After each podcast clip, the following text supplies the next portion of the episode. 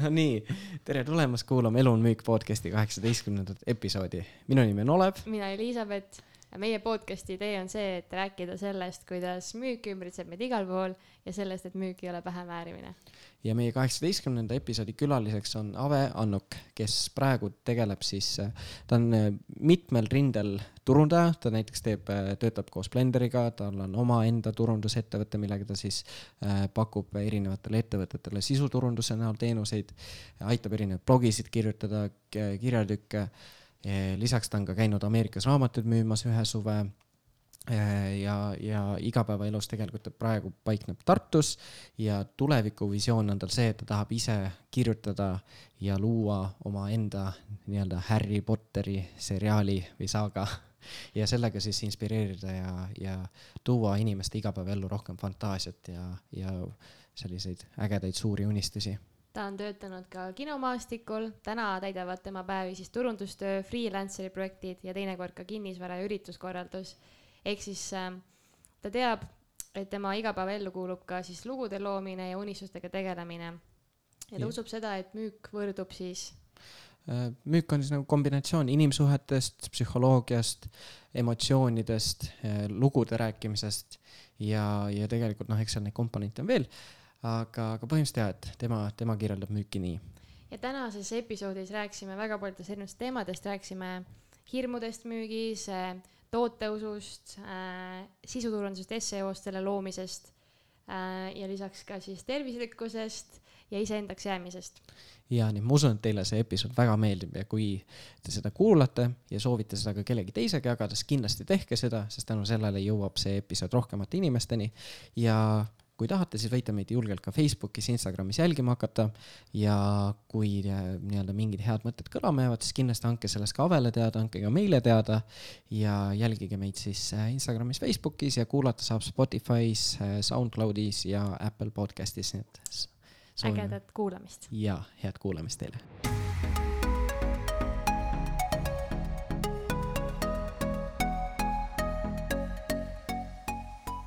kuule, aga tere tulemast ja. meile siia podcast'i. tere, tere, tere, tere. sa oled niisuguse mingi tagasihoidliku. ma ei ole üldse. mis ma nüüd ütlen? pool tundi lobisenud siin.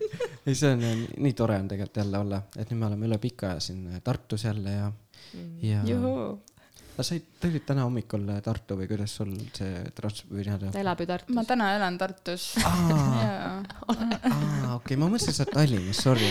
jaa, ta ju ütles seda. jaa, ma täna elan Tartus, aga okay., aga see võib muutuda iga hetk. ega tänapäeva maailmas ei tea, onju, see on kõik see liikumine on nii lihtne, onju. jaa, ja tegelikult on äge ju, et äh, oled ühes kohas, teises kohas. jaa, kes sina oled? Siis on Ave. Kes on Ave, mis? Jah äh,, hea küsimus, et mulle alati meeldib öelda, et äh, ma olen sihuke äh, unistaja, lugude jutustaja, kirjanik ja tegelikult täna olen ka turundaja ja sisu, sisu tegija, siis sisukirjutaja. et kui nüüd lühidalt kokku võtta kõik need erinevad äh, rollid, kuidas ma ise ennast näen. Aga kuidas sul nagu need prioriteedid praegu jagunenud on või kuidas sa ise näed, mis sul nagu, äh, mille järgi sul need nii-öelda tegevused jagunevad, et sul on nagu päris palju nagu nii-öelda huvisid või nagu mm -hmm. siukseid nii-öelda asjad, mis sulle meeldivad, aga kuidas sa neid enda jaoks jaotanud oled praegu mm? -hmm et äh, turundus äh,, turundus täna on äh, eelkõige see, mis mulle nii-öelda leiva toob lauale ja mis mm -hmm. mu arveid maksab. aga sealjuures kõik need unistamine ja kirjutamine on äh, kõik need asjad, mis nagu natukene lähevad seal nende turundustegevuste ja muude tegevustega kokku, mida ma täna teen. et selles mõttes see unistaja on ikkagi minu esmane esmane selline roll, mida ma näen ja sihuke äh,, sihuke visionäär võib-olla nii äge, ma tahaks kohe siia juurde küsida, et mis sul, mis sul siuksed suured crazy'd unistused on mm? -hmm. mille, millest sa unistanud oled viimasel ajal? Äh, mul on äh, üks äh, selline, noh, ma võiks ka öelda siin mingi, et maja Alpides ja kuskil saarel mere ääres ja, ja nii edasi, nii edasi, nii edasi. aga tegelikult mul on väga selge siht, et ma näen ennast sellise story tellerina ja minu selline suur visioon ja unistus on kirjutada järgmine Harry Potter.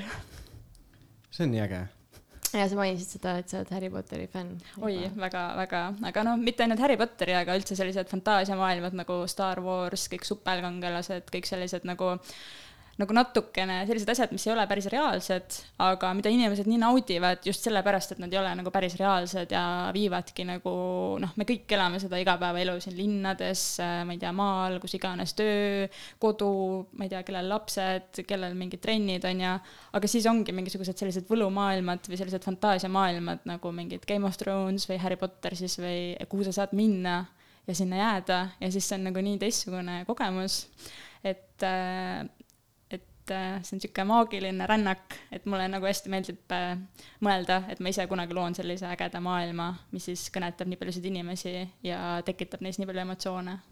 see on nii põnev, sest nagu ma olen, ma olen ise suht nohik tegelikult selles osas, et Oh. ma nagu, sest äh, ma olen nagu Vau. kõiki neid Star Wars'e, kõik mingid äh, noh, vahet ei ole, mis siuksed. Noh, ongi kõik need Marveli filmid on ju, mingid Spider-manid ja nagu see Narniad, mingi noh, kõik mm -hmm. asjad, vaata, et see on nagu, sellest on hästi huvitav, et, et sa nagu saad sellesse maailma nagu ära põgeneda või nagu, või see ongi see, et ta nagu piisavalt reaalne, et ta nagu käegakatsutav, aga samas ta ei ole nagu utoopiaks ka ära, et noh, et nagu sellepärast ta nii paljudele peale ka läheb, et noh, ma ei tea, kasvõi mingi lapsena mäletan, mingi Spider-man tuli välja, siis oli see, et lootsid äkki mingi ämblik hammustab, vaata, et siis, et nagu, aga siukse, okei, täiega, aga see, aga, aga, aga kuidas nagu selleni üldse jõudsid kuidas sa nagu siukse asja enda jaoks avastasid, et sa tahaks nagu midagi sellist luua või nagu mm. -hmm. väga hea küsimus, õnneks ma natukene mõtlesin selle peale, et äkki te küsite midagi sellist ja, ja ma jõudsin sinnani, et, et ma hakkasin üsna noorena lugema, ma arvan, et ma olin mingi viieaastane äkki, kui ma lugesin ise raamatuid juba ja ma küsisin oma vanematelt, et kuidas see juhtus ja oli nii, et ma olin hästi tihti vanavanemate juures ja tahtsin vist multikaid vaadata ja kunagi olid ainult need telekavad, kus sa said vaadata seda kava ja siis mul, ma küsisin vanaema käest, et noh, et millal siis see nagu multikas hakkab ja siis ta ütles, et sa pead ise nagu vaatama, et nagu mis asja, et tema umbes nagu ei ütle, et sa pead ise nagu lugema siis sealt äh, kavast. ja siis Okei. äh, niimoodi vist said selgeks need äh, kirjatähed, trükitähti ma vist juba tundsin, aga, aga kirjatähed. ja siis ma hakkasingi lugema, et äh, suht varakult lugema ja õnneks mu vanemad nagu hästi toetasid seda, et ma alati jõuludeks ja sünnipäevaks ja vahel ka niisama, et nad tõid mulle hästi palju muinasjuturaamatuid. ja siis äh, ka vanaema juures oli suur raamaturiiul, et see oli selliseid äh, nagu natuke tõsisemaid teoseid täis, aga mingeid lasteraamatuid seal ikkagi oli, et ma alati siis lugesin hästi palju. et ma arvan, et sealt see nagu ongi saanud ikkagi alguse, ikka täitsa lapsepõlvest nagu enamik asju ikka juhtub. mm. -hmm.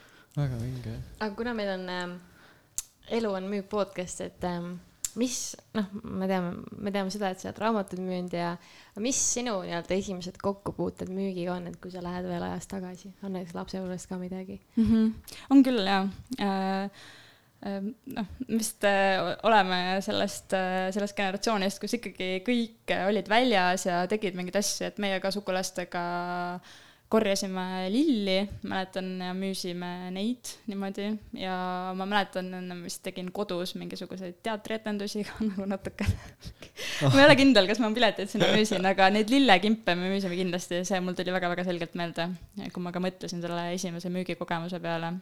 kus te tegite seda või kus see? vanaema juures maal, ma olen sealt Nõo kandist pärit, mul vanaema on ka sealt, noh, mitte päris sealt, aga sealt Elva, Elva kandist aa, okei, okei. jaa ja siis kuskil nagu mingi, kus müüma läksite lihtsalt tänava peale või? tegelikult, tegelikult oli nii, et ma mäletan nii selgelt seda ühte korda, et äh, seal nagu tänavat ei olnud, aga mul tädil oli sünnipäev ja siis kõik sugulased tulid kokku ja siis me lihtsalt müüsime neile, et nad saaks meie tädile kinkida need sihuke täiesti noh, aga see on nii armas ja see on nagu nii äge tegelikult, et üldse nagu kuidagi noored nagu tulevad selliste asjade peale, sest ma olen ka nagu paar korda näinud, näiteks Kaubamaja kõrval on vahepeal mingid lapsed olnud, et ka, et on ise teinud mingeid neid nagu näiteks mingeid käepaela või midagi, mingeid saiakesi, vaata kasvõi, et mm., et siis nagu see on, see on alati nagu nii tore näha, kuidagi nagu noortes, kui nagu tekib juba sihuke väike sihuke ettevõtlikkuse nagu tahe või, või no isegi tegelikult tolles hetkes nagu sa suures, noh, sa ei mõtle sealt, aa, ma nüüd mingi lähen nüüd müüma midagi, lihtsalt sa mõtled sellest, kurat, ma tahaks täna jäätist osta. täpselt nii, täpselt see oligi, et äh, mul vanaema elaski maal ja seal nagu mingit poodi ja sellist ei olnud Mm. mm., aga seal oli see kaubabuss oli, ma ei tea, kas te teate, mis siis Aa, sõitis jaa, ja nagu siis külast nagu- külasse okei, siis okei. meil oli selle jaoks ka, et oo, siis me läksime sinna, siis oli nagu sündmus oli ikkagi, et sa läksid sinna kaubabussi ja saidki seda jäätist või mis iganes Mhm. me ostsime seal osta. okei et äh, see oli see eesmärk toona jah aga no sealt vaata väikse, nii-öelda väikestest nagu hakkabki vaikselt tulema, onju. mm. -hmm. Ah, aga mis see siis, võib-olla ongi äkki niimoodi natuke lihtsam nagu arutada seda, et, et hakata nagu algusest tulema, et üldse, mis sa kõik teinud oled ja mis sa kogenud oled, et, et ütleme nagu esimesed siuksed professionaalsed kokkupuuted oligi siis, kui nii-öelda lapsena mõtlesid, et tahaks jäätist osta ja nagu või et, et siis nagu sellest tulenevalt, aga mis, mis sa siis veel üldse teinud oled ja kus sa käinud oled ja mis nagu, kui mm -hmm. hakkame nii-öelda lapsepõlvest tulema? Ja et äh, mina täna olen kindlasti see inimene, kes ei ole selline tohutu Eesti või Euroopa või Ameerika edulugu müügis, et äh, mul ei ole midagi sellist ette näidata. Äh, ja ma võingi öelda, et kuni keskkooli lõpuni ma tegelikult olingi selline pigem nagu sihuke tublik, et ma tahtsin häid hindeid saada ja mul nagu ei olnud mingit suuremat eesmärki, ma lihtsalt tahtsin häid hindeid saada, mingi hetk ma lugesin hästi palju krimkasid, siis ma tahtsin advoka-, advokaadiks saada. Mm. ja siis ma ei saanud juurateaduskonda sisse tasuta kohale. Ja siis ma läksin majandust õppima. Ja mul oli mingi lihtsalt, et davai, on ju, et ma õpin juurat kõrvale. ja siis ma sain, võtsin neid aineid, juuraaineid ja siis ma sain aru, et issand jumal, see nagu midagi, et. ei ole päris see. see ei ole nagu üldse see mm. -hmm. aga nojah, professionaalseid käike sellel ajal ei olnud, ma käisin küll Soomes maasikaid korjamas, et töökust, kuna ma olen maalt pärit, siis noh, maal on alati midagi teha, et seda mm -hmm. töökust nagu on mul küll perega kaasa tulnud suhteliselt palju. ja noh, võib-olla nagu sihukest õpihimu ka, et mind mingid asjad ikkagi kõnetasid, eriti ajalugu toona, ja siis mingi aeg arvasingi, et oh, et äh, Vana-Egiptus ja Vana-Rooma oli täitsa nagu sihuke, nii äge oli minu jaoks need kõik vaarad ja kõik need, need, need äh, jumalad, mis seal olid, need Zeusid, Afrodiitad, asjad et siis ma hakkan äh, arheoloogiks ah,. sihuke mõte käis ja, ja okay., ja siis äh, ma kuskilt äh, mõtlesingi, et ma lähen ajalugu õppima, sest mind ajalugu kõnetas, mul oli hästi äge ajalooõpetaja ka äh, keskkoolis. ja siis äh, keegi, keegi ütles mulle, lihtsalt see on nii, nagu näitab, kui mõjutatav ma sellel ajal olin, hoopis teine inimene, sihuke, ongi sihuke tublik, sihuke hall hiireke kuskil. ja siis keegi ütles, et, et kui sa ajalugu lähed õppima, sa saad, saad ainult ajalooõpetajaks ja need ju ei teeni mingit palka. Mm.. niimoodi pandi paika ära, et see.... ja siis ma sain aru, et okei okay,, sinna läks mu see unistus, et ma lähen kar-, korjan sealt kuskilt või kaevan kuskilt mingi ISISe mingi kadunud kaelakee või mingi sarkofaagi, sarkofaagi välja, et nii see läks aga samas siis oleks pidanud rohkem sellele Indiana Jones'ile mõtlema, vaata, et seal ikka no seda ma ei olnud näinud toona ma ütlen, et toona, toona ma olin nagu hoopis sihuke, sihuke teine, teistsugune inimene, et minu võib-olla sihuke avanemine toimuski siis, kui ma läksin USA-sse raamatuid müüma. mis sind sinna minema ajendas? noh, ikka kogemused, ikka kogemused ja eks võib-olla sellel hetkel ikkagi tuligi nagu see tahtmine, et midagi peab ju oma eluga ette võtma, et et äh, no ma ütlen, et tollel ajal mul mingit, mingeid tohutuid ambitsioone ei olnud ja võib-olla sellega nagu hakkas tekkima, et ma kuidagi sattusin sinna karusselli niimoodi, et esimesel aastal ma ei läinud, ma tükk aega mõtlesin ja siis ma käisin äh, ühe noortevahetusega Taiwanis mingis mm. noortelaagris või mingis noortevahetuses ah,. ja siis okay. äh, ma tulin sealt tagasi ja see oli kuidagi, noh, reisimine on alati nii silmi avav, eriti noorele inimesele, kes võib-olla ei olnud, noh, ma ei olnud väga palju reisinud toona, et mõnes kohas olin käinud ja siis äh, see oli nagu nii silmi avav. Ja siis seesama mänedžer, kes mind äh, proovis värvata, siis äh, nagu järgmine aasta kutsus mind uuesti ja ma kuidagi sattusin sinna raamatumüügi sellesse tsüklisse ka niimoodi, et äkki oktoobris juba ütlesin, et jah, ma tulen, et mul oli hästi pikk see õpiprotsess mm.. aga siis sa olid suht nagu kohe kooliaasta alguses mm -hmm. põhimõtteliselt sees yeah, juba, et nagu yeah. hästi paljud ongi see, et tegelikult sa no mai lõpus lähed ju nagu lendad Ameerikasse yeah. ja siis mõni ongi seal veebruaris või mingi märtsis alles nagu liitub, vaata, et need on nagu suht nagu midagi ei saa aru, vaata mm. -hmm. ja noh, minul oligi nagu see õnn, et tõesti, et need koolitus on ju väga tugev, mida see raamatumüügi asi nagu pakub, et see on nagu täitsa hämmastav, et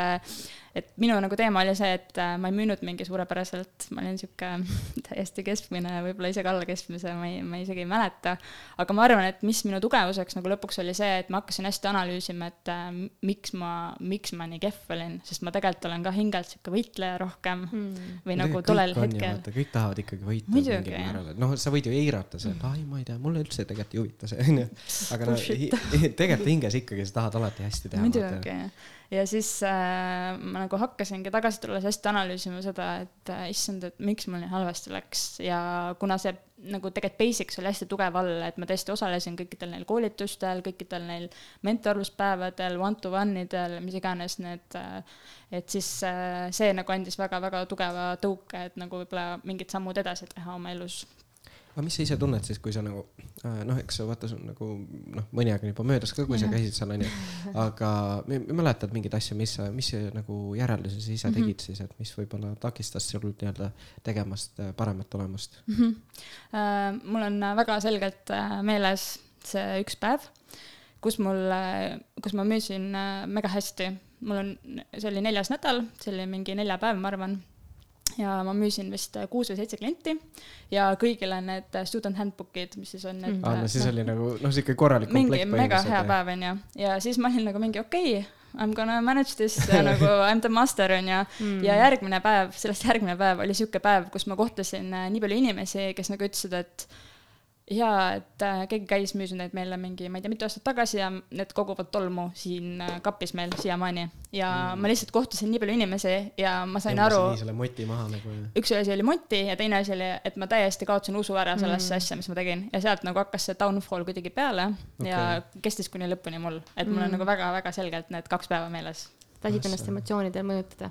ja, ja näed, et see nagu, nagu ma ütlesin ka, et kooli ajal ka, et ma olin hästi-hästi mõjutatav, inimene mm -hmm. ütleb, et mis ajalugu nagu mingi, sa ei teeni mingit raha sellega, siis mul on mingi okei okay,. järelikult ei tee, onju. see ei ole mulle, onju, et, et ja, et sinna, sinna kadus minu suvi kindlasti aga see on huvitav nagu, mis sa ise arvad, et nagu, et äh, noh, kindlasti on vaata selliseid inimesi veel, kes nagu ongi nagu lihtsasti mõjutatavad võib-olla mm -hmm. emotsionaalselt ja kui ma ise mõtlen mm, -hmm. ega samamoodi, ega, ega noh, see on sihuke inimloomuse olemus, ta ka mingil määral paratamatu, see ongi, et, et keegi ütleb sulle noh, ma ei tea, mingi autode näitel vaata, ise mõtled, et tahaks mingit kindlat autot, onju, räigelt meeldib ja siis mingi sõber ütleb, kuule, see on täis jura või see näeb nii nõme välja, siis mõtled, et okei okay,, ikka ei taha, onju. Mhm. või noh, ükskõik, et, et aga nagu, mis sa ise arvad, miks sa näiteks näiteks olid sihuke kergesti mõjutatav võib-olla või nagu, et, et, et mis sinul nagu seda kaasa aitas nii-öelda? et miks ma olin kergesti mõjutatav? jaa, et miks mm, -hmm. miks sa ise arvad, miks sul nagu emotsioonid kuidagi kergelt pähe lõid või nagu, et, et lasid nagu sellel ennast nagu mõjutada?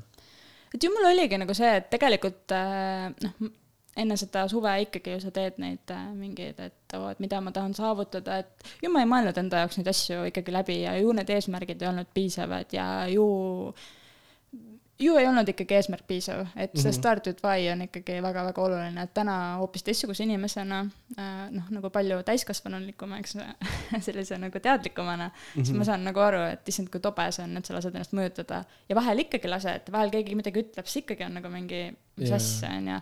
aga täna on nagu lõpuks ikkagi see, et mina olen mina, on ju, ja lõppkokkuvõttes vahet ei ole, mis sina arvad, et lõpuks ma olen nagu selles punktis, et äh, et kus ma arvan, et päriselt kõik on võimalik, päriselt ma, ma ei tea, müüks mega hästi neid raamatuid, kui ma läheks sinna, onju. Mhm. ja mis keegi ütleb nagu, mul on täiesti suva, mis keegi arvab minust ja see on nagu nii vabastav tunne mm, -hmm. et äh, ühel hetkel, kui sellesse punkti jõuda, ma ei ole seal tohutu kaua olnud, aga kui sinna jõuda, et see on mega äge lihtsalt. mis sa arvad, kuidas see, mis on need tegevused, mida sa oled pidanud tegema, et sinna jõuda, et, et sul on täitsa suva, mida keegi sinust arvab? Mm,?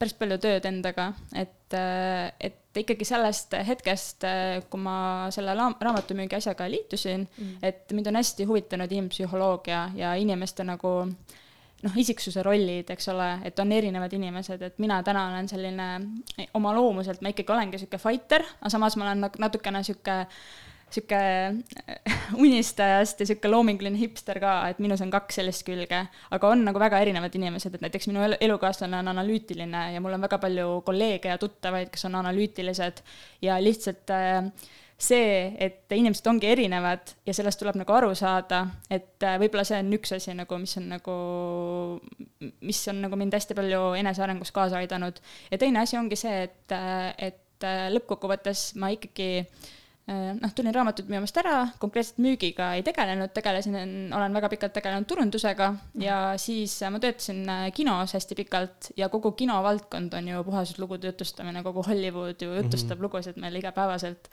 et lihtsalt äh, seal ma olen nii paljude ägedate inimestega nagu tutvunud ja koostööd teinud ja nii ägedaid projekte vedanud, et lihtsalt see suhtlus ongi nagu olnud see, et mõnikord tulebki lihtsalt võtta see otsus vastu, et isegi kui sa ei viitsi või ei taha või mõni asi on raske, et sa lihtsalt teed ära. et eks see ikkagi ongi tulnud puhtalt nagu läbi mingite tegude, et see lihtsalt noh, raamatute lugemine on üks asi, mida mulle meeldib teha, aga nagu teine asi ongi see, et sa lihtsalt pead minema ja tegema mm. -hmm see on jah, ega selle nii-öelda praktilisuse vastu ei saa, onju, et lõppkokkuvõttes noh, ongi, et kes on ikkagi rohkem maailma näinud ja rohkem erinevaid asju kogenud, siis et ma ise ka nagu tunnen, et, et iseenesest on nagu noh, nagu endale ka nagu tänulik, et oled nagu julgenud ikkagi vastu võtta mingeid otsuseid ja nagu mm. läinud ja teinud, et kasvõi noh, seesama raamatümüük, vaata, et. et ja, ja nagu see ei tähenda seda, et kõik peaks nüüd minema seda nagu raamatut müüma, onju.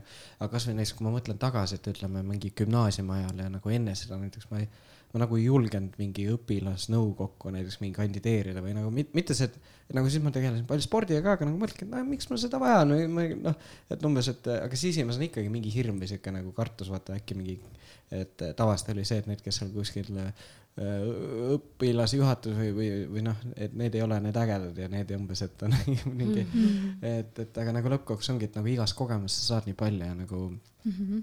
et, et jah. minu arust ütlesid praegu tegelikult ühe väga olulise märksõna ongi see hirm oli ja mm -hmm. minul oli noorena väga palju hirm, et lõppkokkuvõttes oligi mul hirm nagu selle ees, et ühest küljest mul oli, ühest küljest mul oli hirm läbi kukkuda. et võib-olla see oli nagu põhjus, miks ma nagu ei läinud USA-sse tagasi, et ma lihtsalt nagu tundsin mingi igalt poolt inimesed vaatasid, issand, et sul võib-olla läks nii halvasti, et noh, tegelikult keegi ei vaadanud niimoodi, eks ole, aga kuidagi sa oma peas tekitad neid hirme ja mhm. mingisuguseid täiesti mõtteid, et äh, mida teised arvavad. et mm. äh, ma arvan, et see on tõesti nagu olnud üks äh, kõige raskemaid asju, millest nagu üle olla ongi nagu see, et mida teised arvavad.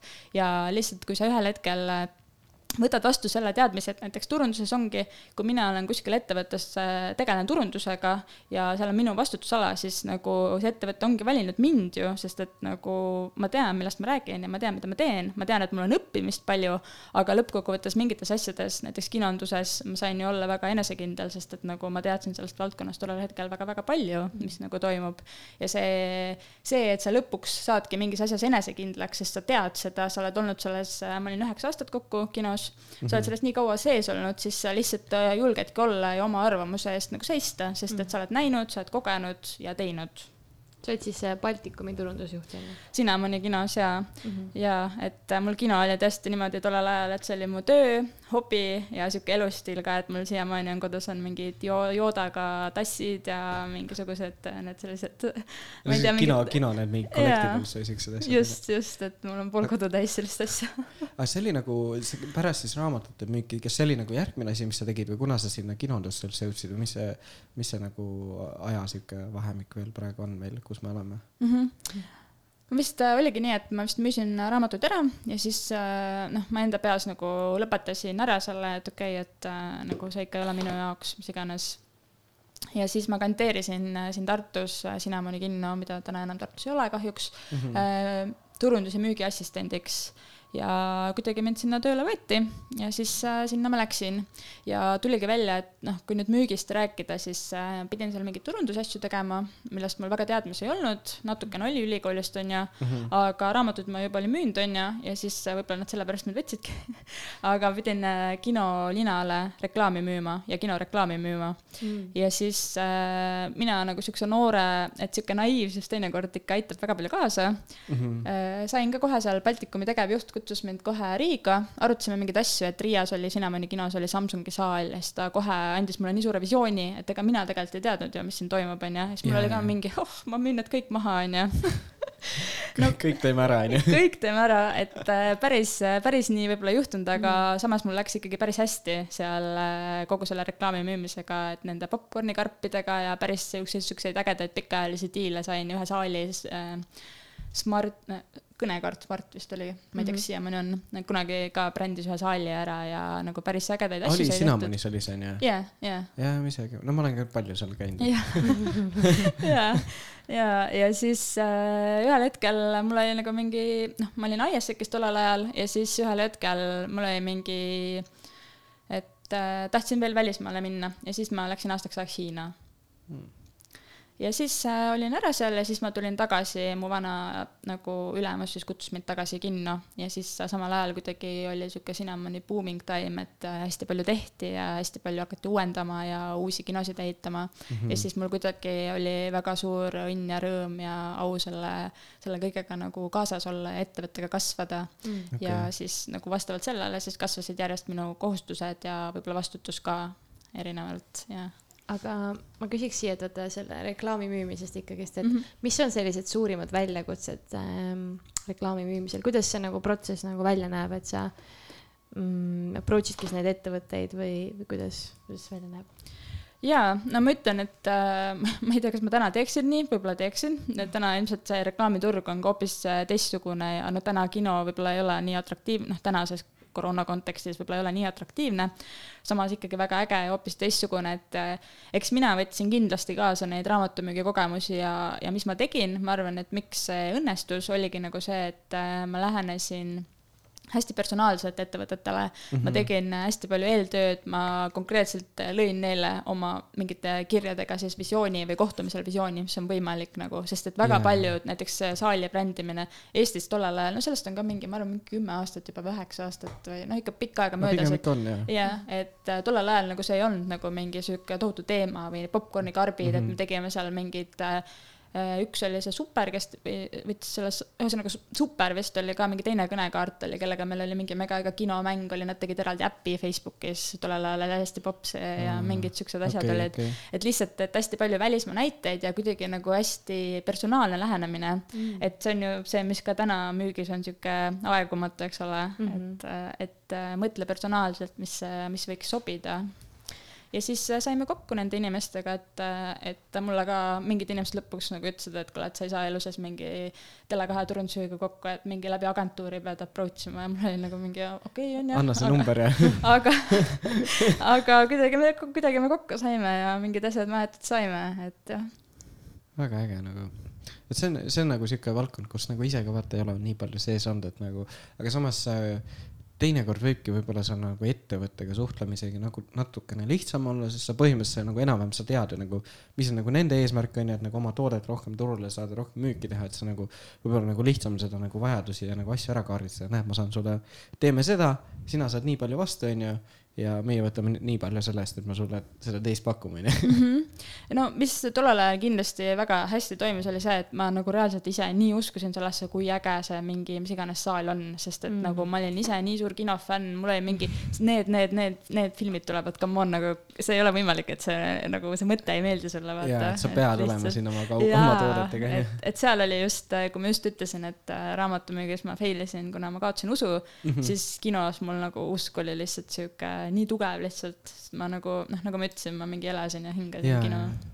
See on äge, vaata samas nagu Äh, ülihästi nagu tegelikult toodki sellega välja, vaata, et noh, just nagu see usk on nagu nii, nii suur või nagu ongi kogu see mentaalne pool, vaata, et sa võidki tehniliselt olla ka väga hea müügiinimene, onju, kui sa nagu müüd midagi sellist, mis sulle, mis sulle endal tegelikult ära ei kliki, siis nagu mm -hmm. ei ole tegelikult eriti pointi või nagu, et noh, ongi see, et täitsa üli... mõttetu. noh, aga samas vaata mingid, kuidagi hästi paljud inimesed nagu panevadki ennast nagu raha pärast lukku ka või nagu, et mm, -hmm. et ongi see, et võib-olla äh, mingit asja tehes ongi nagu raha on hea, vaata, et sa teenid seda, aga samas nagu mingil määral tegelikult nagu kogu aeg see eh, umbes chip'id endal sellest nagu kaljust mingeid tükke välja kogu aeg, et iga kord, kui seda teed laias laastus onju. ja, ja ei no loomulikult raha on oluline, et selles mõttes ma ei ole no, kindlasti see inimene, kes ütleb, et ei, raha ei ole minu jaoks oluline. kindlasti natukene on, aga see ikkagi ja see usk ja kogu see visioon peab ikkagi tulema nagu noh, ka ilma rahata tõesti mm, -hmm. et selles mõttes no eks tänapäeval on valiku ikka rohkem vaata, lõppkokkuvõttes tegelikult nagu ikkagi, kui sul millessegi usk on, siis nagu tänapäeval on ikka nii lihtne nagu oma see ettevõte nagu, nagu maailmani tuua või nagu, et sul on ju lihtsalt ongi, hakka kasvõi mingi Tiktoki videosid tegema ja ongi korras täitsa sürr ikka tõesti, et ma praegu mõtlen, ma ei ole nii kaua mõelnud sellele loole tagasi, et tõesti, et ma ei tea, kuidas ma täna läheneks sellele mm. samale ülesandele. Aga vaata, siit tuligi see välja see, et tegelikult, et see müük on emotsioonide nii-öelda peegeldamine, vaata, mida me enne seda podcast'i natuke mainisime ka, et yeah. et, et millistes olukordades veel sa oled seda täheldanud oma elus, et noh, näiteks ütlesidki, vaat sinul endal oli see usk nii suur ja siis äh, sa peegeldasid seda ka nii-öelda sellele potentsiaalsele siis ja nii-öelda siis sellele, kellel seda reklaami oli vaja, onju, et mm, -hmm. et mis olukorrad veel on olnud sul sellised, kus sa oled seda täheldanud? ma ütleksin seda, et äh, mul on nii meeles, äh, kuidas mulle inimesed ütlesid, kui mina läksin raamatut müüma, et, äh, et äh, et kui sa, põhimõtteliselt, et äh, kui sulle meeldib müüa, siis sulle üldiselt meeldib ka osta või midagi sellist uh. -huh. ja siis äh, ma olen ise alati mõelnud, et ma olen täielik buyer ja sama. ja ma tooksin välja siin selle teise poole, et äh, olles turunduses, siis äh, tegelikult äh, turunduses on, sul turundusjuhina on ka väga palju koostööpartnereid, erinevad agentuurid, ka erinevad reklaamipakkujad, eks ole, kes mulle nagu pakuvad seda, et äkki sa tahad olla vaata siin kuskil. ja mina olen tegelikult teinud vahepeal mingeid valikuid täiesti selle põhjal, et mulle meeldib inimene rohkem ja nagu temaga on nii mõnusam rääkida ja mm -hmm. nagu kuidagi ma tunnen, et meie vahel on nagu hea side, et kui rääkida sellest emotsioonist. Et see on võib-olla natuke teine teema, et äh, müük on nagu ka inimestega suhtlus, eks ole, aga just, et ikkagi see, et ma ise olen teinud nagu oma müügi või ühesõnaga ostuotsuseid sellest lähtuvalt, kus on emotsioon parem. et mm. nii tööalaselt kui eraeluliselt ilmselt ka, et lihtsalt vahepeal mõni müügimees on lihtsalt nii äge, et sa lihtsalt ostad sellepärast, et ta on nii äge lihtsalt see on ja tegelikult ei ole üldse palju vaja või nagu ongi lihtsalt, et ole nagu siiras ja lõbus ja, ja tore vaata nagu. et see on ja. aga mis sa arvad, mis emotsioonid sinus on tekkinud siis näiteks on sul mingit konkreetset näidet tuua, et sa oled midagi ostnud, et noh, mis, mis emotsiooni siis see müügiinimene sinust tekitas või noh, et mhm. või see connection nagu mm? -hmm. hea, et sellist äh, äh, näiteks mul on üks näide ühest äh,, ühest reklaamipakkujast jällegi mm, -hmm. ma igaks juhuks nimesid ei nimeta, aga see on tõesti väga professionaalne ja lihtsalt äh, kuidas nemad müü-, noh, nende müük oli ka selline, et see põhines täiesti kliendi suhtlusel, et nad tulid, nad olid täiesti ette valmistunud, nad näitasid isegi mingisugust äh, sellist äh, psühholoogiat, kuidas reklaamid nagu nende kanalites võiksid välja näha ja millele keskenduda, et need kõige paremini toimuksid, sest nad on teinud mingisuguseid uuringuid selle põhjal ja nad on lihtsalt nii hea eeltöö teinud ja nad lihtsalt nagu mitte ei müü mulle, vaid nad annavad mulle ka nagu päriselt seda teadmist, mis toimib hästi mm -hmm. ja kuidas toimib ja mul on olnud ükskord äh, sellest samast firmast, äh, küll nagu mitte Eestis, aga välismaal kus ma ükskord küsisin ka ühte reklaampinda ja siis tema nagu ütles, et tead sa, et meie ettevõte seda ei paku, et ma väga ei soovita tegelikult teil võib-olla sinna minna, aga kui te väga tahate, et siin on nagu meie konkurent, et neil on seal mingid pinnad küll. et ta reaalselt annab, saadab mind konkurendi juurde ja minu mm -hmm. jaoks tekitab see see tunde, et sind reaalselt huvitab nagu, et mul läheks hästi mm.. no see on jah nagu, tegelikult jälle vaat sihuke väike liigutus on ju, aga samas ongi see, et nagu et noh, ta isegi võib-olla ei tee seda teadlikult, vaata lihtsalt ongi see, et ta nagu päris, päriselt ongi tahab, et lihtsalt, et kuule, et, et võib-olla see ei ole sulle kõige parem valik, onju.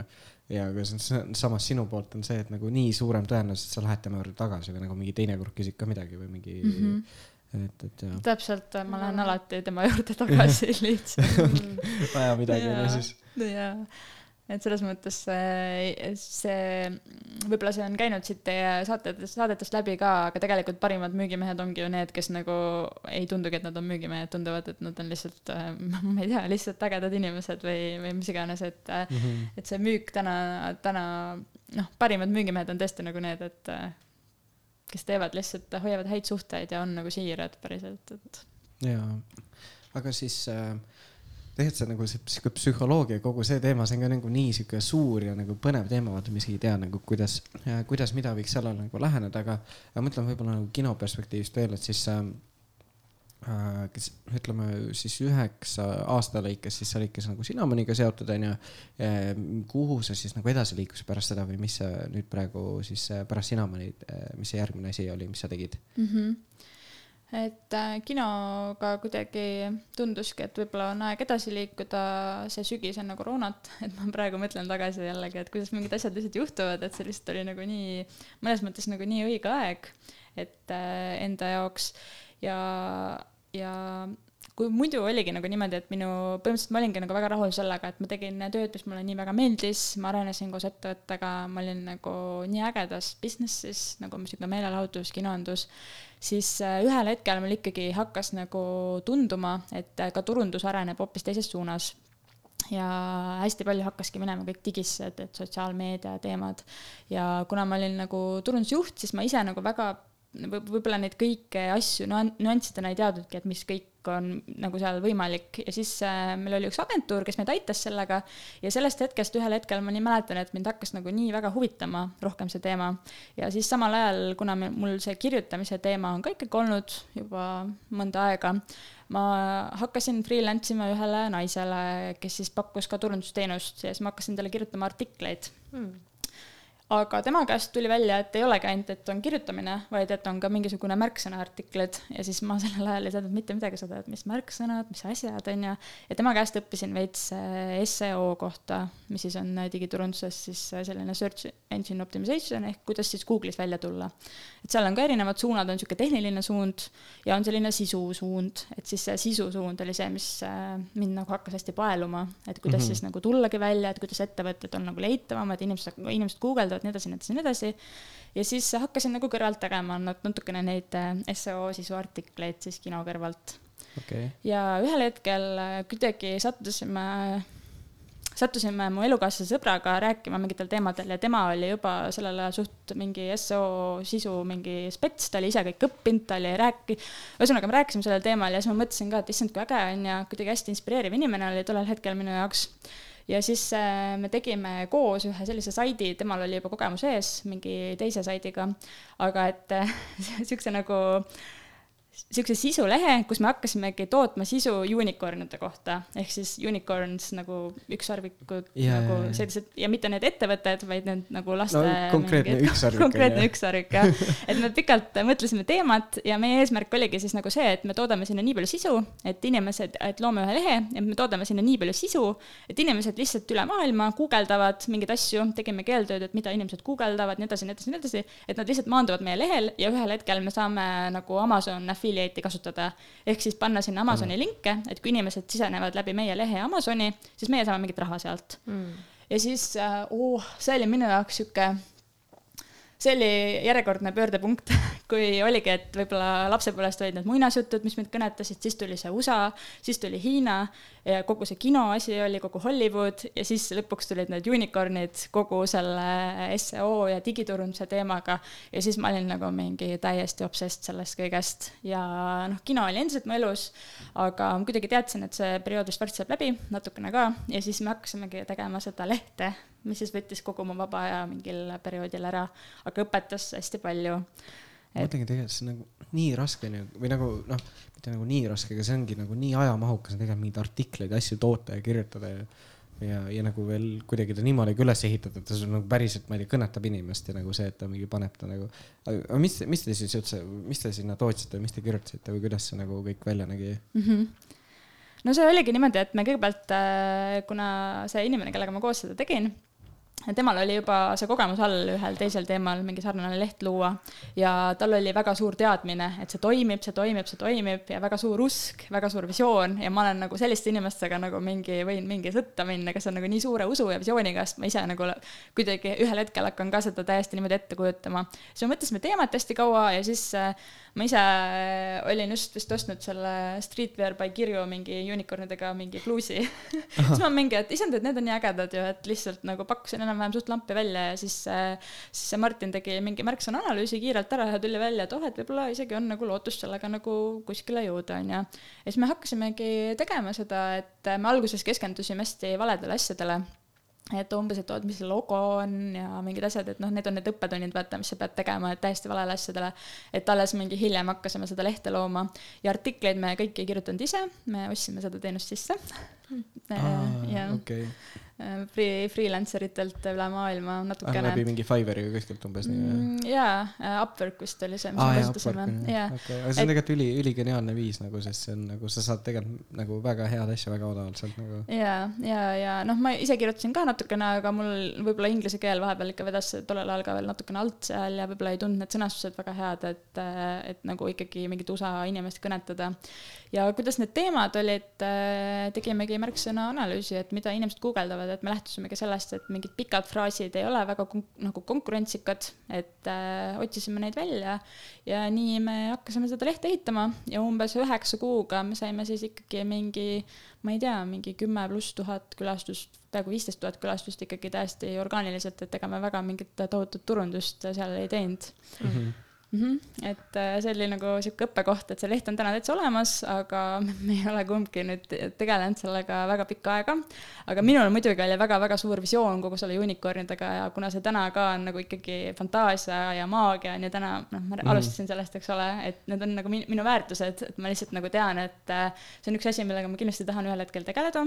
ma tean, et võib-olla võib-olla on juba natuke hilja või võib-olla oleks pidanud varem nagu edasi tegelema sellega aga, aga võib-olla see hetk ei ole veel nagu kätte jõudnud, et tulidki muud asjad vahele, et kuna see leht nagu täna vist äh, mingit reklaamitulu või mingit asja teenib natukene ka, aga et äh, see ikkagi võttis väga palju aega ja ma tulin töölt ära, et ma siis ikkagi proovisin ka, et äh, noh, nagu mingitele muudele asjadele kuidagi elu tuli vahele mm. -hmm. et see jäi nagu niimoodi natukene soiku, siis ma vahepeal tegelesin sellega ja siis see nüüd on nagu sihuke natuke vaeslaps ja natuke mitte, et eks näis, mis me ära teeme. okei okay., elab nii-öelda oma elu seal praegu? natuke elab jaa, aga ma ütlen, et meil oli ikka väga suur visioon nagu selle kõigega, et äkki tullagi välja lõpuks luua ka mingisugune tegelane sinna, et umbes nagu Push in the cat, teate on ju seda kassi?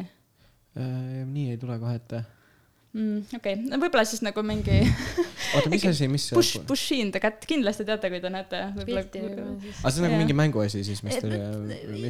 jah, ta on nagu mingi sihuke noh, näiteks Simon the Cat või mingid sellised tegelased, vaata, kes Aa, nagu okay, eksisteerivad kuskil, onju. ja siis hakkasite neid nagu lugusid siis nende ümber nii-öelda või nagu tema ümber siis mõtlesite kirjutama hakata? ja, me nagu mõtlesime, et me looks nagu mingi sarnase karakteri sealt oma unicorn'i asjast ja lõpuks jõuakski ju ikkagi mingite lasteraamatute ja mingite asjadeni välja, et see nagu, noh, ühesõnaga minu Aa, visioon okay, oli nagu, nagu selline, vaata. ja ühel hetkel, et väga äge tegelikult, sest noh, see ongi see, et lõpuks sa pead kuidagi oma asja nagu suutma nagu ikkagi teenima panna või nagu midagi vaata. ma, ma tahaks küsida siia, et näiteks kui ma ei tea, meie kuulaja seas on keegi näiteks, kes tahabki, ma ei tea, oma kodulehega või sisuturundusega alustada mm -hmm.. noh, sa ütlesidki, et vaata, et see elukaaslase sõber oli nagu ise õppinud ja mm, -hmm. ja sina tegelikult ka selle protsessi kõiges ise õppisid, onju, et kus siis see inimene, mis sa soovitad, kus siis alustada selle sisuturunduse õppimisega? sisuturunduse õppimisega? No ikka internetis saab igast materjale, et äh, selle kohta võin öelda julgelt kaks asja, et äh, see on protsess, see on nagu täiesti protsess, et meie ju ehitasime ka seda lehte mingi aasta aega niimoodi, et ikkagi suht igapäevaselt tegelesime sellega ikkagi nagu väga-väga palju, noh, väga-väga palju aega läheb sinna ja et selleks, et kuidagi Google'is üldse välja tulla, et noh, esimesed pool aastat ei juhtu mitte midagi, isegi kui sa näed väga palju vaeva, sest et lihtsalt nagu noh, see on nagu tehniliselt on nii pikk protsess juba Teil oli see rahvusvaheline leht ka inglisekeelne. Inglisekeelne jaa. siis on tegelikult veel suurem konkurents, vaata. no seal ongi, aga noh, Eestis. Eestis nagu... sa ei saa nagu, nagu sa ei, isegi kui sa saad selle lehe enam-vähem suureks, siis ja. nagu sa ei. No Eestis on lihtsam mingit elustiili blogi ikkagi hakata ajama ja võib-olla mitte keskenduda sellele mingitele märksõnadele, vaid pigem lihtsalt heale sisule, et lõppkokkuvõttes ikkagi müüb nagu sisu, et mm, -hmm. et täna me oleme ka nagu seda meelt, et noh, mingid märksõnad on olulised loomulikult ja, aga tegelikult ju kõige olulisem on see, mis sa sinna kirja paned ja kas see nagu kõnetab sinu inimesi lood eks ole, et, et ainult nagu märksõnade peale ei purjeta ja siis internetist ikkagi, et äh, täna, kes räägib võib-olla sisust äh, Eestis, äh, noh, kõige kuulsam on Priit Kallas, võib vaadata tema blogist, saab mingi basic ilmselt kätte ja, ja guugeldadagi siis. et mm -hmm. materjali on lihtsalt, lihtsalt väga palju oli teil, millega te ise muidu pange panite alguses, mis siuksed nagu äh, tagantjärele mõelda, mis te ise vaatate, et oligi üks asi, et te ütlesite, et no, nagu Logo, äh, panite mingi, hakkasite kohe mõtlema mm, -hmm. okei okay,, milline see ideaalne väljanägemine siis on, onju. Mhm. aga mis, mis veel siuksed võib-olla väiksed eksimused olid või mis, mis, mis nii-öelda tulid sisse? No kindlasti, kindlasti oligi nagu see, et energia täiesti valesse kohta, et lihtsalt, et see, et kuidas see leht alguses välja näeb, see on nagu täiesti teisejärguline. ja, ja noh, kindlasti me ei olnud alguses nagu väga head, et kui ma praegu vahepeal vaatan neid artikleid seal on ju, et, et selleks, et need artiklid üles panna, et need nagu toimiks, et seal on ka nagu, see ei ole lihtsalt see, et ma copy paste in selle artikli, mis ma sain sealt kirjutajalt. et sa pead seal mingisuguseid noh, pilte panema vahele, sa pead sealt igat detaili jälgima, et see tuleks nagu lõpuks seal Google'is välja et äh, mina nagu kindlasti alahindasin seda tööd, mida ühe artikli ülespanemine nagu nõuab, et see on ikkagi kahe-kolmetunnine protsess, et äh, noh, tollel hetkel vähemalt kindlasti oli, et äh, mis kõik tuleb läbi mõelda ja pärast need Amazoni lingid panna ja nii edasi, nii edasi mm. -hmm. et mina võib-olla nagu natukene alahindasin seda protsessi ja mina kindlasti olin ka see, kes ütles, et oh, et ikkagi see leht peab ilus välja nägema ja hästi palju pöörasin sellele visuaalsele poolele tähelepanu, mis kindlasti suures pildis on nagu oluline, aga et lihtsalt tollel hetkel ei olnud ja võib-olla lihtsalt oli ka nagu see, et ühel hetkel nagu tundus nagu, et külastajaid on väga palju, aga see leht nagu kuidagi ei hakanud nagu ka mingit võib-olla raha teenima, et siis nagu natukene see usk kadus ära. et täna mm -hmm. ma võib-olla, kui ma mõtlen tagasi, siis tegelikult oleks pidanud edasi lihtsalt tollel hetkel pingutama ja tegelikult peaks tänagi võib-olla edasi veel tegelema sellega, et see ühel hetkel ikkagi oleks sihuke, ma ei tea, pensionisammas natukene mm. aga ma küsin ähm, seda, et on sul mingid näited näiteks, ma ei tea, Eestis influencer itest, kelle arutas sinu Äh, kelle arvates sinu arust nagu blogi on nagu väga hea sisuga või selline noh, nii-öelda kui, kui ütleme, keegi hakkab nagu midagi looma, et kelle nii-öelda võiks endale näiteks võtta nagu, kui sa vaatad hmm.? ma ei olegi väga ammu lugenud Eesti ah., Eesti blogijaid, ma pean ausalt öeldes ütlema ja, aga näiteks me ei ole tõesti väga lugenud neid Eesti, Eesti blogisid, pean tunnistama okay.. aga üldiselt nagu sisu poolest võib-olla või kes, keda sa. Instagramis või ma ei tea. keda sa ise fännad nagu, kes teevad hästi seda? sisu loomist üldse nagu noh, et kasvõi ütleme Instagramis on story'd ja, ja nii-öelda väärtuse pakkumine mm. -hmm. no minu jaoks Eestis, äh, minu jaoks Eesti parimad sisuloojad on, äh, need on natuke, natuke teine teema, üks on Mihkel Raud Mm -hmm. kes on nagu, miks ta mulle meeldib, on see, et tal on täiesti oma stiil ja minu meelest see läheb nagu natuke kokku sellega, millest me rääkisime ka, eks ole, et äh, sa pead olema natuke omanäoline või sa pead olema, sa ei peagi kõigile meeldima, aga sul mm -hmm. peab olema see mingi oma asi nagu mm -hmm. ja mingi noh, ühesõnaga, et sa pead olema julge nagu ja mulle väga meeldib Andrus Kivirähk ka, sest et lihtsalt tema loomingulisus on nii äge, kuidagi sihuke rahvuslikul pinnalt nii äge loomingulisus lihtsalt, et ta on ka hästi äge aga, aga Instagramis ma küll jälgin mingeid inimesi, aga, aga. Ei ole fookus nii palju seal, jah kui, kui, te nüüd küsite, et, et keda, siis ma võib-olla need finantsblogijad isegi tooksin välja, kes on. Kristi Saare. Kristi Saare ja Rahakratt, Rahakratt ilmselt on väga, väga hästi ehitanud oma, noh, nii turunduslikus mõttes, kui ta on ise nagu tundub nii siiras ja äge inimene, ma ei tea, kas ta on, loomulikult on Rahakratt, Tuvi, mis iganes aga tema võib-olla tooksin välja, jah okei okay. aga oota, aga et ühesõnaga te tegite seda nii-öelda sisu loomist ja nii, aga praegu sa ju teed ka turundust mm -hmm. nagu ettevõtetele siis nagu ma aru saan mm. -hmm. kuidas sa siis selleni jõudsid nagu või noh, sa juba natuke mainisid, aga et sa vaata peale noh, kino ajal samal ajal hakkasid ka tegema, onju. Mhm. kuidas see protsess välja nägi?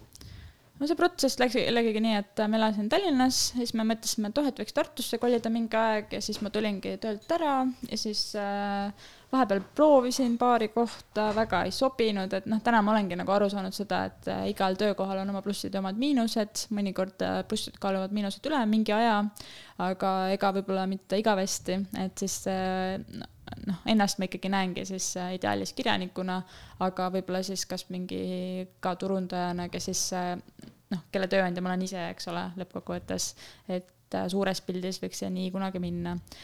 Aga täna jah, et täna ma ikkagi aitan ka ettevõtetel turundust, et ma töötan ühes agentuuris, aga siis mul on selline oma väike freelancing, free, freelancing ettevõtmine ka siis, mis on puhtalt selline, ongi nagu pigem nagu artiklite kirjutamine ja võib-olla natukene turunduskonsultatsiooni ka okei okay,, et sa pigem nagu lood nagu si- või nagu ongi eh, nii-öelda. sisukirjutaja ja. aa okei okei et sa ütleme ise mingeid nagu postitusi või siukseid pilte nagu ei disaini või selles ei, disainer ma kindlasti ei ole, et on ja. kindlasti paremaid inimesi, kes ja, disainivad, et äh, mina võib-olla siis äh, nagu äh, mingi sõnade disainer või mingid siuksed asjad vist on UX disainer või UX äh, copy disainer, mingi siuke mm. asi, kes neid disainib neid nuputekste. see võib-olla ei ole ka minu lemmikasi, aga, aga sõnad on nagu see asi äh, kus ma kujutan, et, kus ma arvan, et ma olen kõige tugevam, jah.